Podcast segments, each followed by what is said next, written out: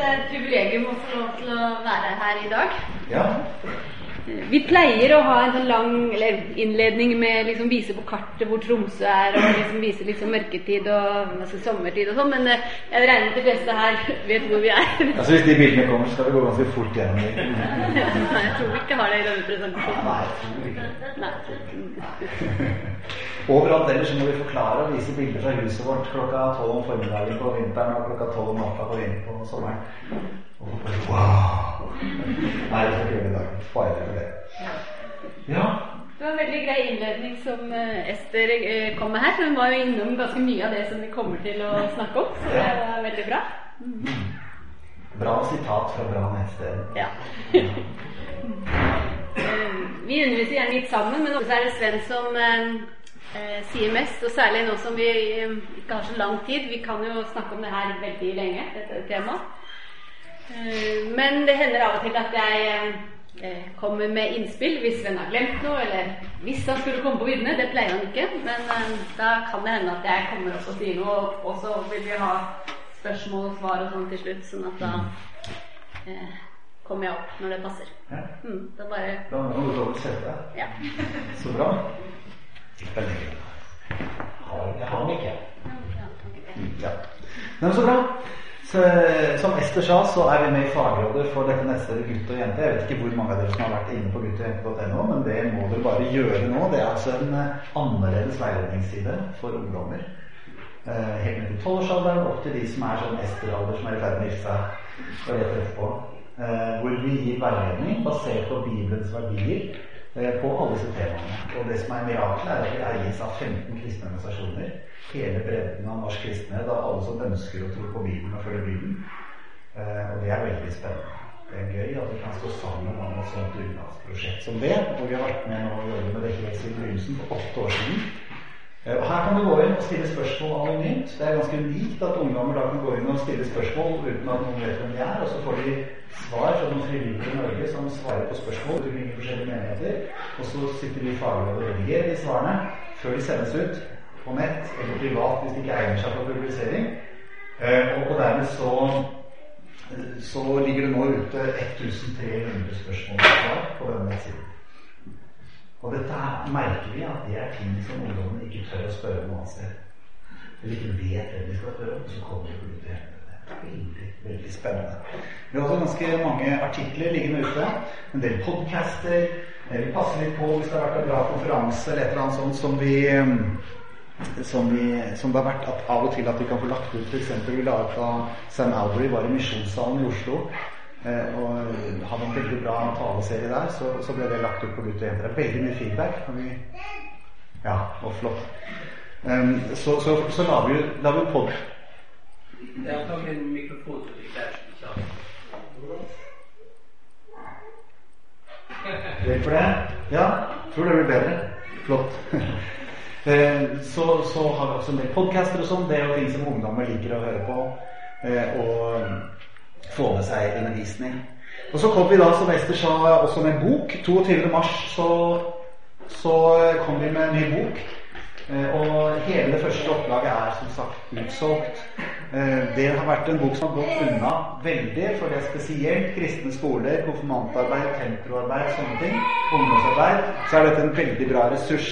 Vi skal ikke gå gjennom hele den boka, for det har vi ikke tid til, men den er bygget rundt de samme temaene som vi har på nettsiden. Skrevet av Olof Elsinger og tre svenske pedagoger, og så har vi omarbeidet den til norske forhold. Eh, Sånn at det er, en helt, eh, det er en unik utgave for Norge. Og vi holder nå på å redigere allerede til andre utgave, ikke bare andre opplag. Er to nye kapitler som vi holder på å skrive eh, nå. Så, så, så dette blir veldig spennende. Her kan man lese om hva kjærlighet er, de ulike greske begrepene for kjærlighet, eros, filia, agape f.eks. Man kan lese om Gud som er kjærlighet, om sex som Guds gave. Eh, man kan lese om hva Bibelen sier om ekteskap, seksualitet. Hva med min seksualitet, når disse tingene våkner i kroppen? Og det å kunne snakke om disse tingene her, også hva som skjer i hjernen, rent sånn medisinsk og biologisk, hvilke transmittersubstanser eller stoffer i hjernen som frigjøres i intime relasjoner, hva det gjør med oss. Er det ikke faktisk sånn at Gud har skapt oss sånn at også biologien understreker viktigheten av trofasthet og det å holde seg til i gode og i onde dager. Sånn at eh, denne boka gir masse informasjon og god kunnskap, og forteller også om det bibelske perspektivet på ekteskapet. Dette er en pakt. Dette er ikke bare en avtale kontrakt som Ester leste så fint i begynnelsen her, men det er noe mye, mye mer. Det er elske og ære og i gode og i onde dager til døden skiller oss. Det er nettopp det Ester også leste om bildet på hvordan Gud er i sin trofasthet. Og hvordan mann og kvinne jeg skal komme inn på da er et bilde på den treenige Gud og den relasjonen som er i guddommen. Så står det litt om juss her. For det er veldig mange som ikke vet f.eks. hvor mange ulemper det juridisk sett er å være samboer i forhold til å være gift. Ikke sant? De fleste syns bare at, eh, at, det er litt rart at Ester skal gifte seg. Men det har ikke satt seg inn i jussen hvilke rettigheter du faktisk har som gift, og hvilke du har som samboer. Eller for ikke å snakke om statistikken om hvor dårlig det går med samboerforholdene. Ikke sant? En britisk studie viste at barn som blir født av samboerforeldre, så er det altså Her står det det er, Da de blir 16 år, så er det bare 7 sannsynlig i Storbritannia at foreldrene fortsatt holder sammen. Hvis de er samboende. Hvis de hadde vært gift, så er oddsen 75% for at de fortsatt holder sammen. Enorm forskjell. Og en del sånn statistikk og tall om kjønnssykdommer og alle sånne ting som er greit for ungdommer å vite litt om. Og så er det veldig veldig viktig at denne boka også snakker om de vanskelige tingene som homobi, trans og skeiv på en veldig ryddig og fin måte. Sånn at ungdom får en introduksjon. Vi kan ikke bare være stille på dette, selv om det er vanskelig. Eh, og da tar også denne boka opp at det er ofte to syn i en del kirker i dag. Selv om det tradisjonelle har vært likt i 2000 år. Og hvordan det argumenteres på begge sider. Og istedenfor å tre det ned over hodet på ungdommene, så oppfordres de til å tenke selv. Og det er klart at da blir jo spørsmålet mener du Bibelen er relevant her. Og så kan ungdommene snakke sammen og komme fram til å resonnere at det er gode grunner til det Bibelen sier om disse tingene. Så er det da om sex og kjærlighet på nettet, om nettporno, hva gjør man hvis noen går over grensen osv. Tips for å bevare et parforhold. For det er det mange ungdommer som lurer på. Berg-og-dal-banen. Tenk at du kommer, står det, til en berg-og-dal-bane og så sier de som jobber der, at har pleid å ha sånn bøyde rundt livet og, og, ta ut telefoner av lommene og sånn. Det syns de er bare tull. De vil at du har størst mulig opplevelse av frihet når du er i vår fornøyelsespark. Så nå er det bare tull med sånn der, bøyler og sikkerhetsbelter og sånn. Kom igjen og kjør berg-og-dal-bane og nyt. Ikke sant? Ville du turt å kjøre den berg-og-dal-banen? Neppe. Men det er jo akkurat det ungdommene våre fortelles i dag. Vi vil at du skal ha størst mulig nytelse, mest mulig moro. Men det skal ikke være noen begrensninger.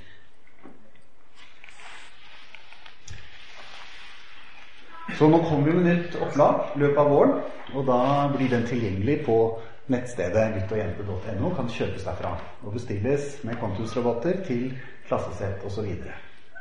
så det er bare å anbefale. Hvis,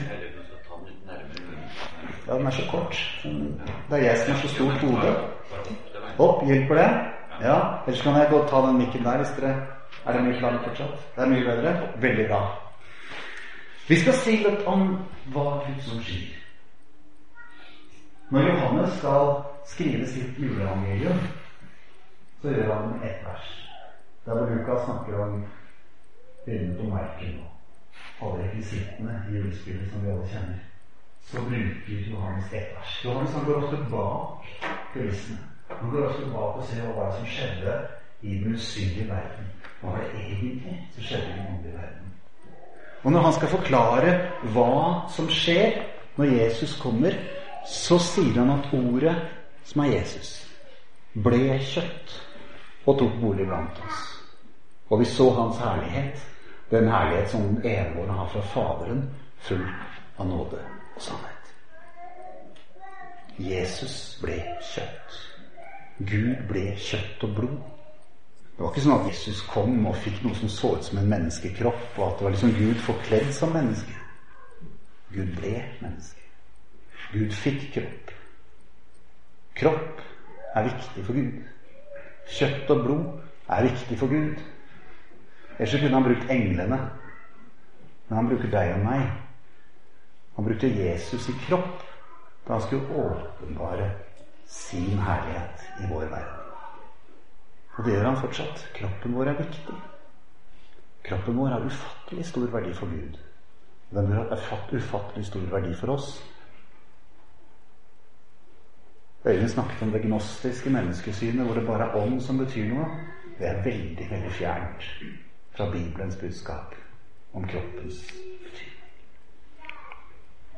Og da Gud skapte menneskene, så står det allerede på første, helt i første kapittel av Bibelen, så står det at han skapte mennesket i sitt bilde. I Guds bilde skapte han det. Til mann og kvinne skapte han dem. Så allerede der står fasiten. For de som måtte lure på om det fins flere enn to kjønn. Og hvis vi lurer på hvorfor det fins to kjønn, så er det fordi Gud trengte mann og kvinne for å vise et fullstendig bilde av seg selv. For en mann og en kvinne vi har faktisk forskjellige egenskaper. Det er ikke sånn at alle menn er, alle menn er sånn, alle kvinner er sånn. Men når vi kommer sammen, så utgjør vi en større del av Guds bilde enn vi kan gjøre hver for oss. Gud trengte både mannen og kvinnen for at vi skulle se et fullstendig gudsbilde. Og så husker vi historien fra første Mosebok. Alle husker historien når Adam ble lagt i narkose. ikke sant? Adam var alene, han ble lagt i narkose. Så står det at Herren gjorde en kostektomi. står det. Han tok ut et ribbein. Nå kan de lærde strides som det virkelig var et ribbein, eller om det var en sidedel av Adams side, eller om det faktisk var den kvinnelige delen av Adam. Det kan diskuteres blant teologer. Men poenget var at Herren tok ut en bit av Adam. Og så gjorde han verdenshistoriens første rekonstruktive inngrep. Han formet en kvinne. Og så vekket han Adam av narkosen, og så sto hun der i Asin drakt og Evas drakt. Og det var bare Wow! Dette er noe annet! Hun skal kalles kvinne. Og så var de allerede skapt som et ektepar. Med polariteten mellom han og henne, mellom mann og kvinne, mellom det maskuline og det feminine. Og sammen mellom dem så kunne Gud åpenbare en del av gudsbildet som ikke Adam kunne åpenbare alene. Fordi det finnes nemlig sider ved Gud som bare kan vises i relasjon. Hva med Guds kjærlighet? Hva med Guds overgivelse? Guds trofasthet? Guds omsorg, barmhjertighet, miskunnhet, nåde? Ingen av disse tingene kunne Adam vise alene. Men relasjonen mellom de to så var det et fullkomment av Gud helt til fallet. Så leste Ester i begynnelsen her at det var et syndefall som gjorde at selvportrettet ble susset til. Men vi er fortsatt skapt i Guds bilde. Hvert eneste menneske i denne verden bærer Guds bilde i seg. Det er derfor vi har uendelig stor verdi. Og Det er derfor Jesus er villig til å komme til verden og dø, om det så bare er en eneste av oss. Vi igjen uendelig stor verdi. Vi bærer Guds bilde, og at vi som mann og kvinne bærer Guds. Og Derfor så skal også ekteskapet være en gudsåpenbaring. Da Adam og Eva ble skapt som et ektepar, så var det det første Gud gjorde i vår verden for å åpenbare seg selv sånn som han er. Senere fikk vi Israels folk, Abrahams ett. Og etter det igjen, på pinsedag, fikk vi menigheten. Det er de tre tingene Gud har virkelig satt inn i verdenshistorien som åpenbaringssteder for sin natur og hvordan han er. Det er ekteskapet mellom mann og kvinne. Det er Israels folk. Og det er menigheten. Kanskje er det ingen tilfeldighet at akkurat de tre som angripes så hardt i dag av fienden fordi han ikke vil at Guds bilde skal være synlig.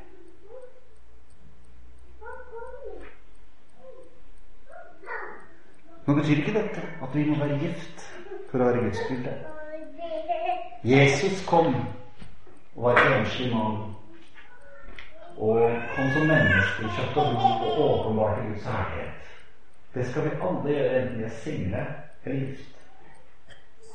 Men menighet med bare menn er fattig menighet.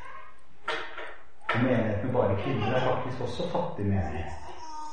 Fordi vi begrenser gudsbildet til én type mennesker. Sammen får vi lov til å vise bredden. En gang som vi skulle på Grimerud Ungdom og Oppdrag sin hovedbase utenfor Hamar, så satt jeg bare litt. Noen ganger så er jeg sånn at hvis jeg er på tyttebærtur, så plutselig så når jeg ser meg legge meg så ser jeg bare tyttebærlyd uansett når jeg lukker øynene. Det er så visuelt. Eller hvis jeg har skrudd på Vestbanen min, så ser jeg bare båter og regner og fastnøtter når jeg legger meg om kvelden. Og av og til så er det akkurat som Gud også kan slå inn på den der tyttebærskjermen. Så en gang jeg satt og ba, så plutselig så fikk jeg sånn glimt av noen store puslespillbrikker. Verden, jeg. Har ikke pusha puslespill på flere år, så det kan ikke være tyttebærskjermen som slår til nå. Og så var det akkurat som det var som en drøm. Hvor jeg så at vi hadde plastposer med disse store oransje og grønne puslespillbrikkene. Og så var det som jeg så at vi som var i familiearbeidet vi tok disse brikkene og så la vi dem ned på parkeringsplassen utenfor Grimerud. Og så var det akkurat som jeg bare så, bare skjønte, bare visste at det vi holder på å legge der, det er et bilde av Gud i landet vårt. At når vi bygger opp de kristne familiene og ekteskapene og reiser opp det, så blir det en åpenbaringsplass for Guds ånd. Hvor Norge får se egenskaper ved Gud som han åpenbarer gjennom ektepar, ektefeller, som elsker hverandre. Og Så kom vi ned på Grimrud, så, så hadde vi sånn delemøte, vi som var regionledere den gangen i de forskjellige regionene, og så fortalte jeg om dette. Og I pausen etterpå så kommer Gro Rykkeli bort til Maren og meg. Vi sitter og spiser i lunsjen der. Så sier hun 'Dette er ikke dere', sa hun. Så hadde hun en rull. Hun er kunstner. Så hun laget et bilde. Så ga hun også et trykk. Dette var rett etter det møtet vi hadde delt det. Og så åpnet vi bildet. Så var det en oransje og en grønn puslespillbrikke som dannet et hjerte. Og så sto teksten 'Two hearts intimacy together'. Mannen og kvinnen sammen ekteskapet som åpenbarer hvordan Gud er.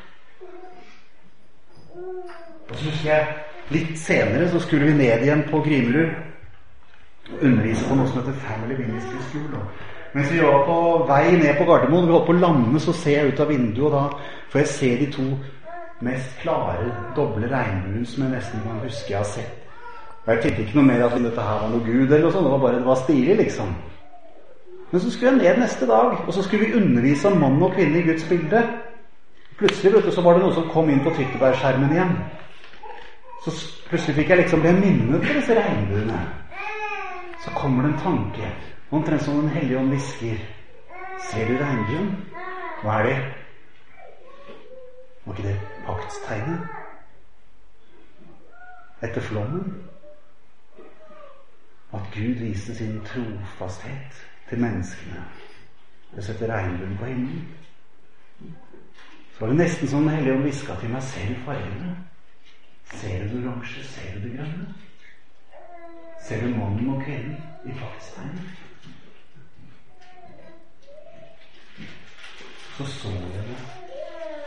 Hvordan vi som menn og kvinner får lov til å vise en større del av helheten gudsbildet sammen enn vi kan gjøre hver for oss. Gud er hele regnbuen. Gud er hele spekteret. Og det er ikke sånn at ikke sant, Øyvind sa her går at pride har en sånn seksfargers skarp regnbue som bare er egentlig fire, seks søyler med farger. Det er ikke sånn regnbuen ser ut. Regnbuen er et spektrum. Regnbuen er alle mulige synlige bølgelengder av lys. Alle fargenyanser som finnes. Og Derfor er det ikke sånn at en kvinne alltid er dønn oransje, eller at en mann alltid er grønn som gress.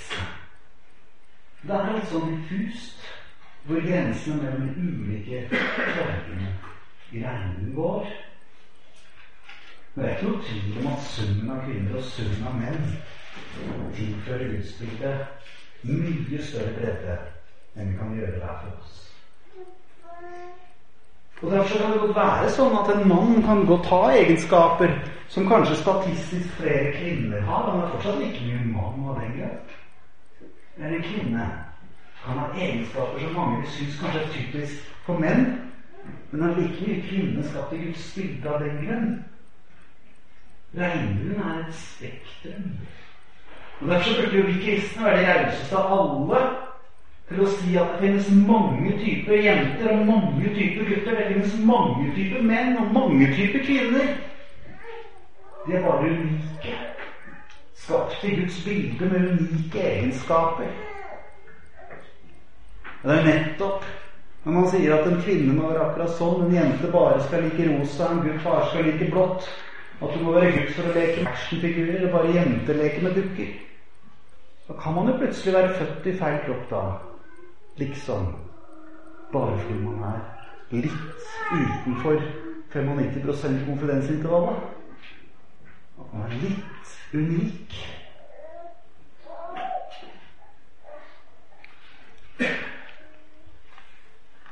Og så sier jo Bibelen om mann og kvinne at det er jo et eller annet imellom oss. da. Det er jo sånn polaritet. Det er jo noe som trekker oss mot hverandre. Hva er det? Hva er det som skjer når mannen og kvinnen trekkes til hverandre? Vi kan komme nær hverandre. Vi kan være gode venner, vi kan gi hverandre en klem.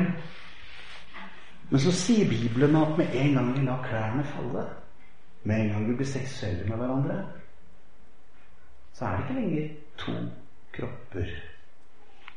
Men vi blir ett kjøtt, sier Paulus. Én.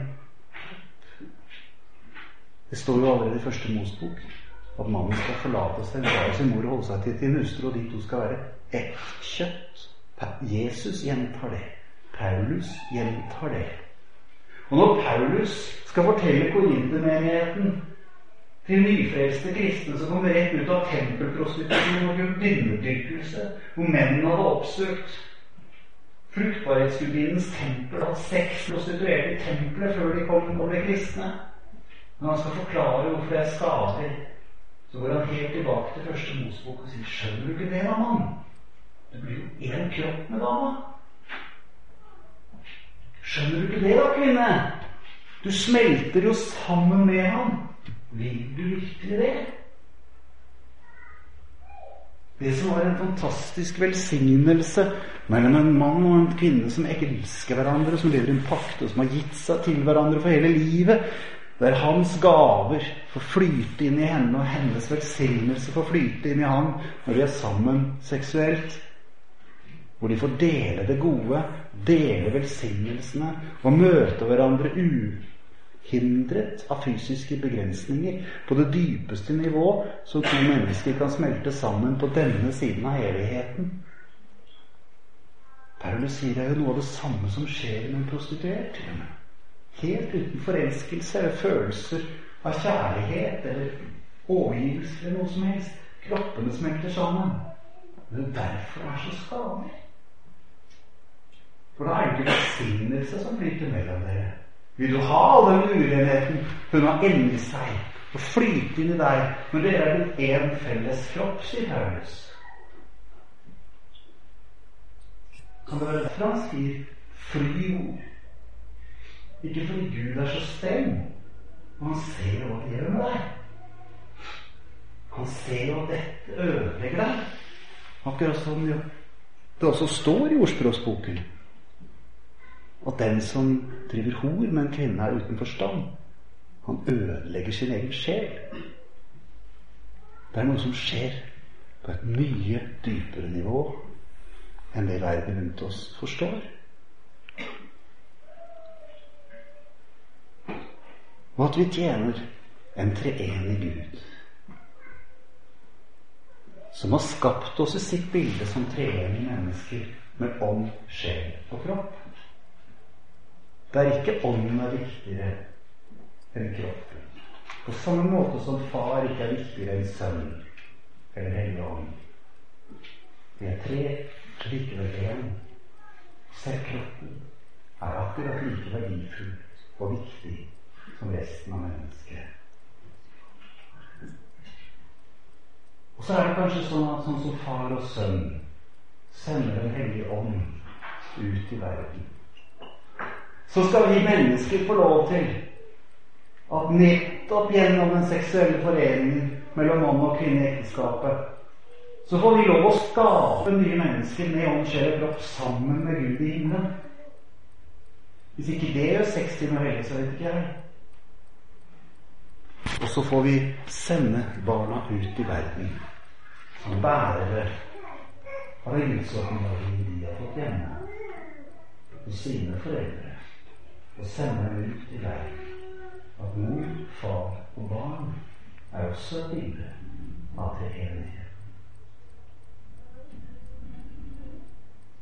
Skjønner vi nå hvorfor vi har en fiende som hater gudsbildet i oss mennesker?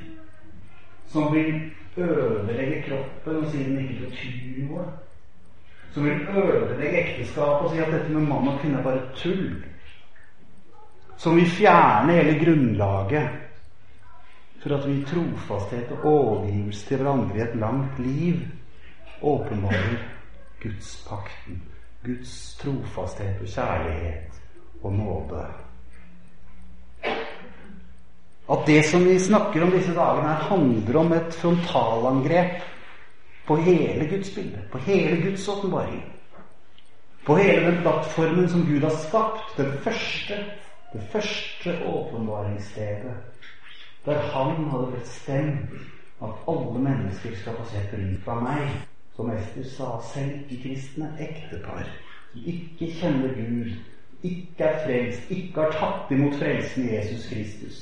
Selv de bærer gudsbildet med seg hvis de elsker hverandre og er trofaste mot hverandre.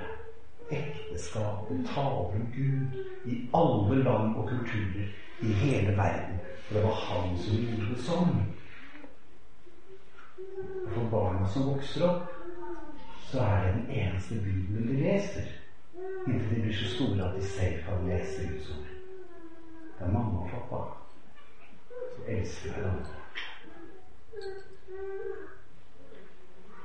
Og hvordan skal barn forstå Gud når far ikke lenger trengs?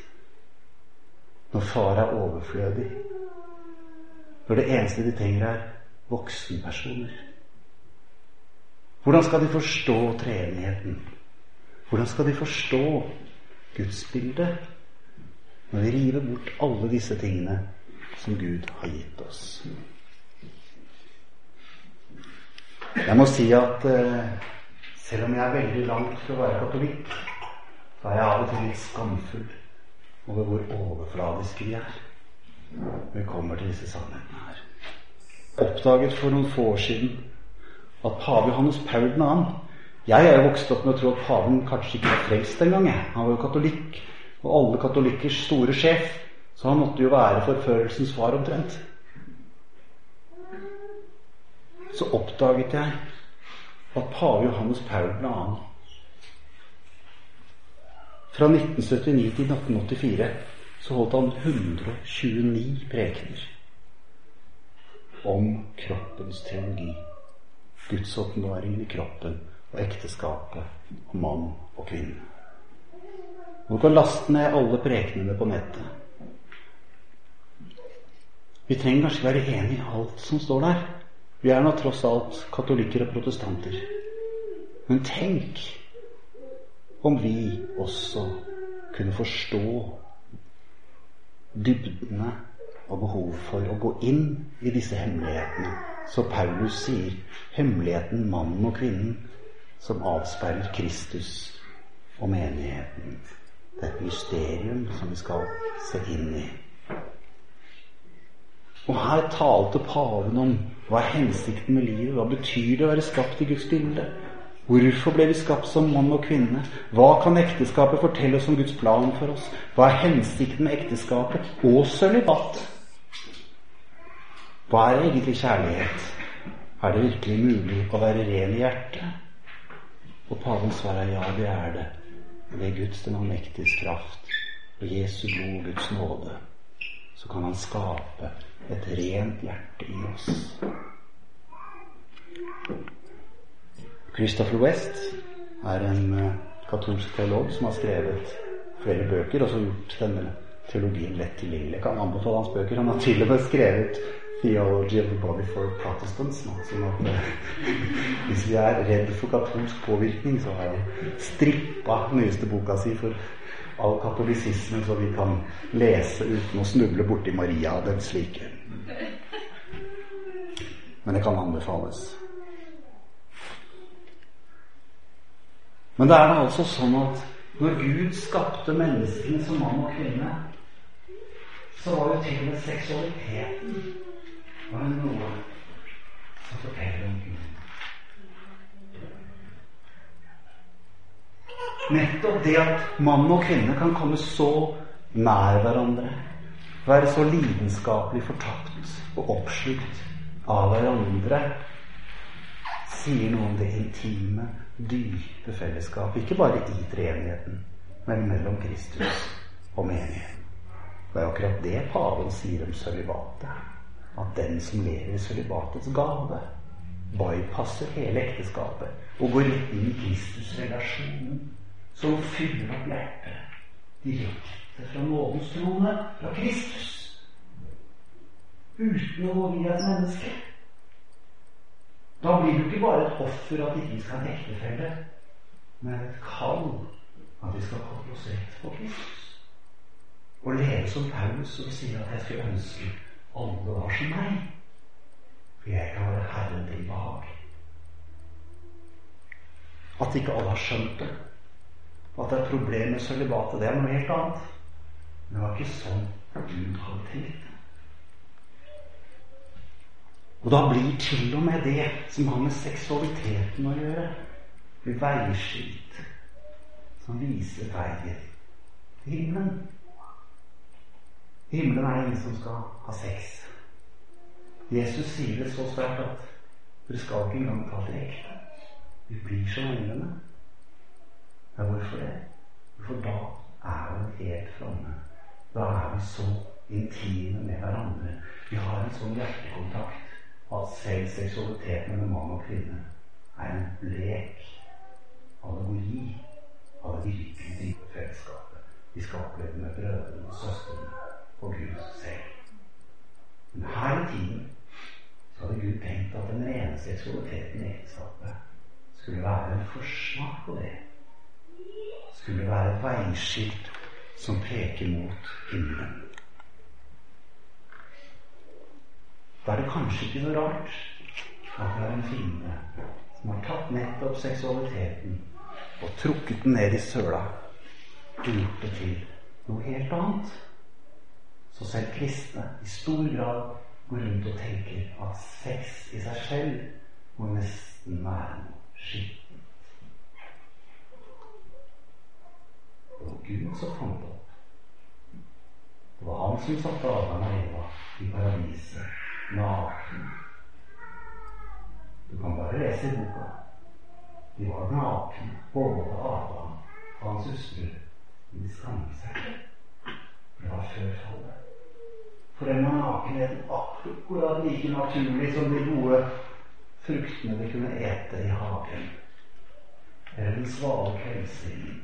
Så var nakenheten en helt naturlig del av deres ekteskap. Noen tenker mener ikke det at de hadde sex igjen. Jeg vet ikke hva skulle ellers være fruktbare. Tror vi virkelig det at Adam hadde noen sånne pollenbærere på hodet, og når, når, de skulle få barna sine, så kom liksom biene og flyr liksom pollen fra Adam til Eva? Eller at det liksom vokste ut en tissebur på Adam etter syndefallet? Tror vi det? Jeg tror Hvis vi tror det, så er vi ganske gnostisk i vår tankegang. Nemlig at vi nedvurderer kroppen som Gud har skapt. Men tvert imot så står det i første Mosebok 1.31 at Gud så på alt han hadde skapt, og se, det var overmåte godt. Og det ble kveld, og det ble morgen sjette dag. Det gjelder også det vi har med beina. Det gjelder også hele kroppen vår. Det gjelder også de seksuelle følelsene. Tenk om vi kan fortelle ungdommen vår det. At at det begynner å gå en radar inni deg som du begynner å oppdage at det er noe attraktivt med jenter, og ikke bare jenterus. Det er Guds gave. At radaren begynner å oppdage at oi, det var noe flott på andre siden av rommet. Det er Gud som har gitt deg det. Det er en gave som du skal forvalte. Men på linje med andre ting som tar litt tid, som å skaffe seg en utdannelse eller spare til et hus, eller for den saks skyld ta førerkort, så kan det ta litt tid. Det være verdt å satse på at ting er en investering i fremtiden. Det er ikke sånn at vi bare skal bruke alt vi har her og nå. Men at vi ser at dette er Guds gave. Og da blir jo dette med mann og kvinne plutselig veldig, veldig viktig. Og så lever vi i en tid hvor barna får høre noe helt annet. Hvis du kan finne fram den filmen som heter eh, Pirelli, så kan vi høre hvordan NRK barne-TV nå forteller barna at det ikke er mann og kvinne. Det er ikke to kjønn. Det er syv kjønn.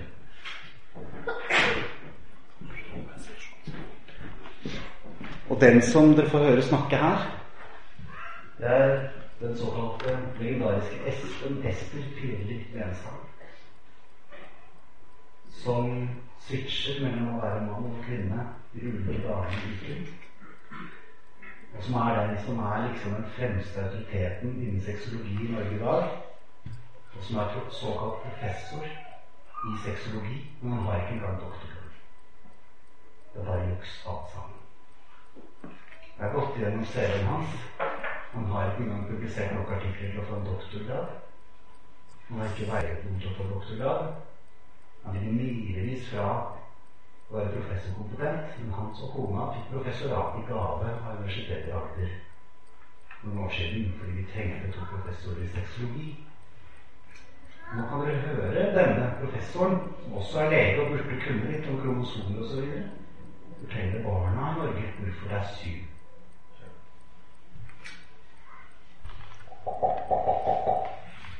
Første kategori er hunnkjønnere. Og det er jo personer som sier om seg selv at det er hunnkjønn. Vanligvis så har de personer kvinnekropp, de har pupper, de har klitoris, hannkjønnere. Det er de som sier om seg selv at de har kjønn, og vanligvis så har de pikk, og vanligvis så har de XY-kromosom, interkjønn.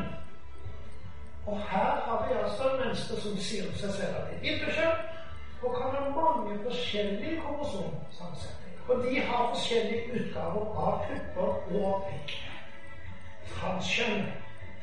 Og der er det ikke samsvar mellom det man har mellom beina, og det man føler inne i hodet. Han har alle slags kropper og alle slags kromosomer. Kjønnsflytende. Her flyter alt. Her flyter kjønnsuttrykkene, her flyter stykket, her flyter veldig mange ting som vi vanligvis knytter til kjønn i alle retninger. Vi kan alle slags kromosomer. Kjønnsavvisende.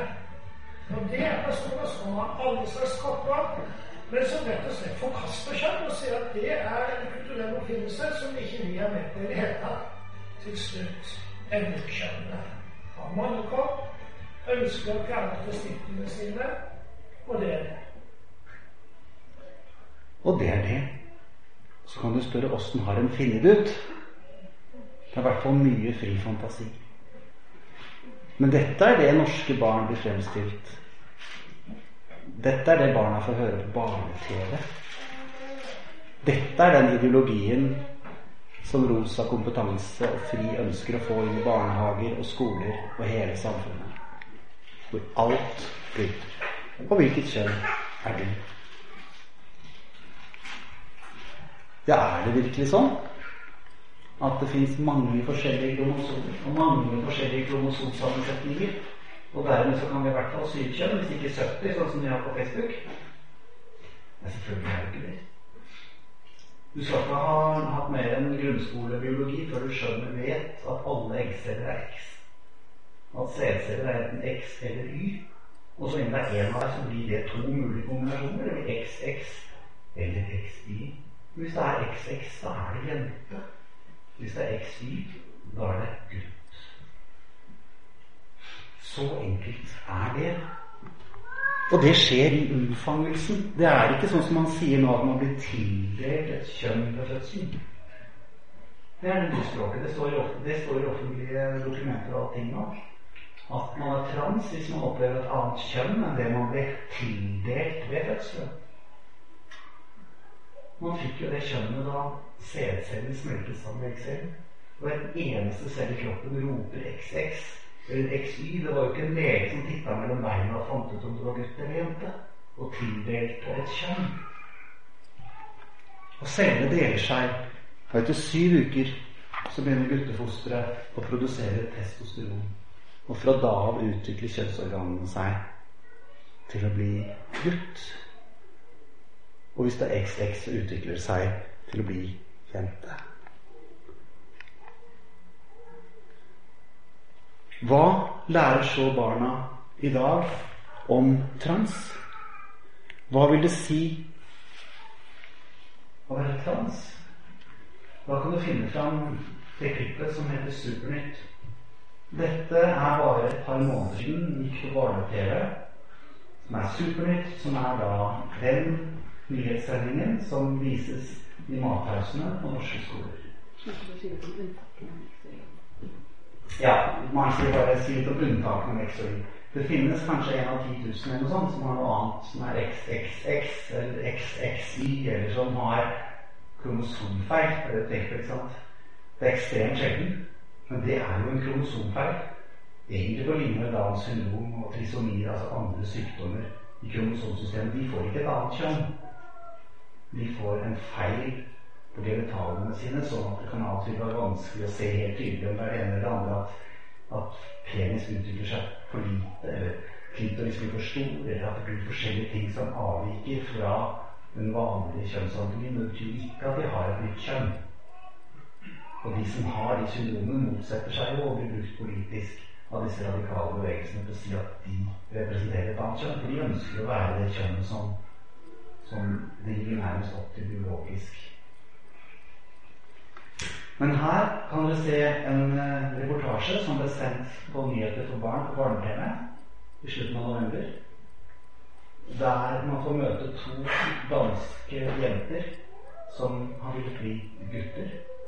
Og hvor barna får vite at det kan godt være godt å være født i feil kropp, og kanskje du er født i feil kropp, og hva man kan gjøre hvis man er født i feil kropp. Fordi stadig flere barn mener nemlig at det legen sa da de kikka mellom beina, ikke var riktig. Det er sånn at eh, Når vi blir født, så ser legene mellom beina våre for å se om vi er jente eller gutt. Men det er en god del barn som eh, ikke synes det er riktig, og som føler at de er født i feil kropp. Og de barna er transkjønnet. Og nå skal vi til Danmark for å møte Markus og Kim. Hvis du er transkjønnet, kan man ha jentetiss, men likevel føle seg som en gutt. Eller ha guttetiss og føle seg som en jente. Nå drar flere og flere barn til legen fordi de tenker at de kan være transkjønnet. De siste fem årene har 500 barn vært hos legen med dette, og mange av dem er under 13 år.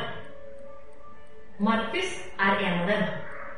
Hvis jeg skal forklare det så det gir mening, så er jeg gutt født i en jentekropp. Da Markus ble født, fikk foreldrene vite at de hadde fått en jente. Så de kalte ham Ida Marie. Men det navnet passet jo ikke så veldig godt. For selv om Markus har hatt jentekropp, har han alltid vært en gutt inni seg. I barnehagen hadde jeg langt hår, og ingen klarte å se at i virkeligheten så var jeg en gutt. Det eneste jeg har igjen av leker fra de trodde jeg var jente, er den.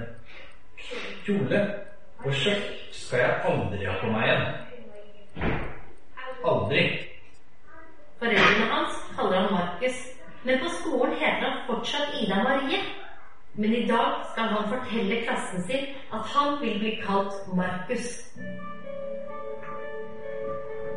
Mens Markus sykler spent til skolen, kan vi møte Kim, som også er født i feil kropp.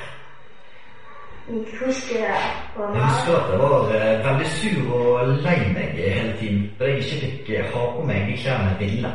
Og jeg fikk ikke eh, lov til å være meg sjøl. Men nå får han være seg selv. Som den yngste i Danmark noen gang får han hormonbehandling hver tredje måned for å utsette puberteten. Hvis man er transkjønnet, kan man få en sprøyte som gjør at kroppen ikke går i puberteten. Det betyr f.eks. at Kim ikke begynner å få pupper eller menstruasjon. Mange leger syns det er viktig at transkjønnede barn får behandling. Det kan nemlig være veldig vanskelig å være født i feil kropp. Mange har forsøkt, og mange prøver å komme ut av det og være det kjønnet kroppen viser. Men det kan de ikke. Det er en umulig kamp de kjemper. Kim syns det aller verste er å skal skifte tøy i svømmehallen eller etter badmintontrening. Tenk deg det, du, da. At du er gutt, men må dusje sammen jentene. Det er et Det vanskelig å ikke kan gå i guttegarderoben. Men selv om Kim er gutt, har han fortsatt jentetiss. Og da må han i jentegarderoben. Nå skal vi tilbake til Markus. Foreldrene hans har skrevet et brev som læreren skal lese opp foran hele klassen. Siden var tre år, har han gitt udtryk for, at han føler seg som en dreng. Det er et brev, som forteller Det er et brev som forteller at jeg blir kalt for Markus. Alle vil tiltale ham med det navn, som han selv har valgt. Markus. Hvis man er helt sikker på at man vil skifte kjønn, kan man få en annen sprøyte enn det Kim får nå. Den sprøyten gjør at kroppen begynner å utvikle seg til det motsatte kjønn. Man kan få hormonet testosteron, som gir skjegg og en mørkere stemme. Eller man kan få hormonet østrogen, som gir kvinnelige former. Når man får den sprøyten, skjer det mye i kroppen som ikke kan gjøres om. Derfor er det en stor beslutning. det er bare der slår rundt. Det surrer rundt i hodet mitt hele tiden. Jeg får ikke stoppet det. Vil jeg være en gutt for alltid? Det er litt vanskelig å bestemme seg. Mens Markus trenger litt mer tid til å bestemme seg, har Kim bestemt seg for at han vil alltid være gutt. Mm. Ja, og Hvis du har født i feil kropp, så er det lurt å gjøre som Markus og Kim. Snakk med en voksen om hvordan du har det. Og det kan være enten foreldrene dine eller helsesykepleieren på skolen din. Da har vi brukt tiden vår. Men bare legg merke til denne formuleringen 'hvis du er født i feil kropp', som om det er en mulighet som alle barn må vurdere.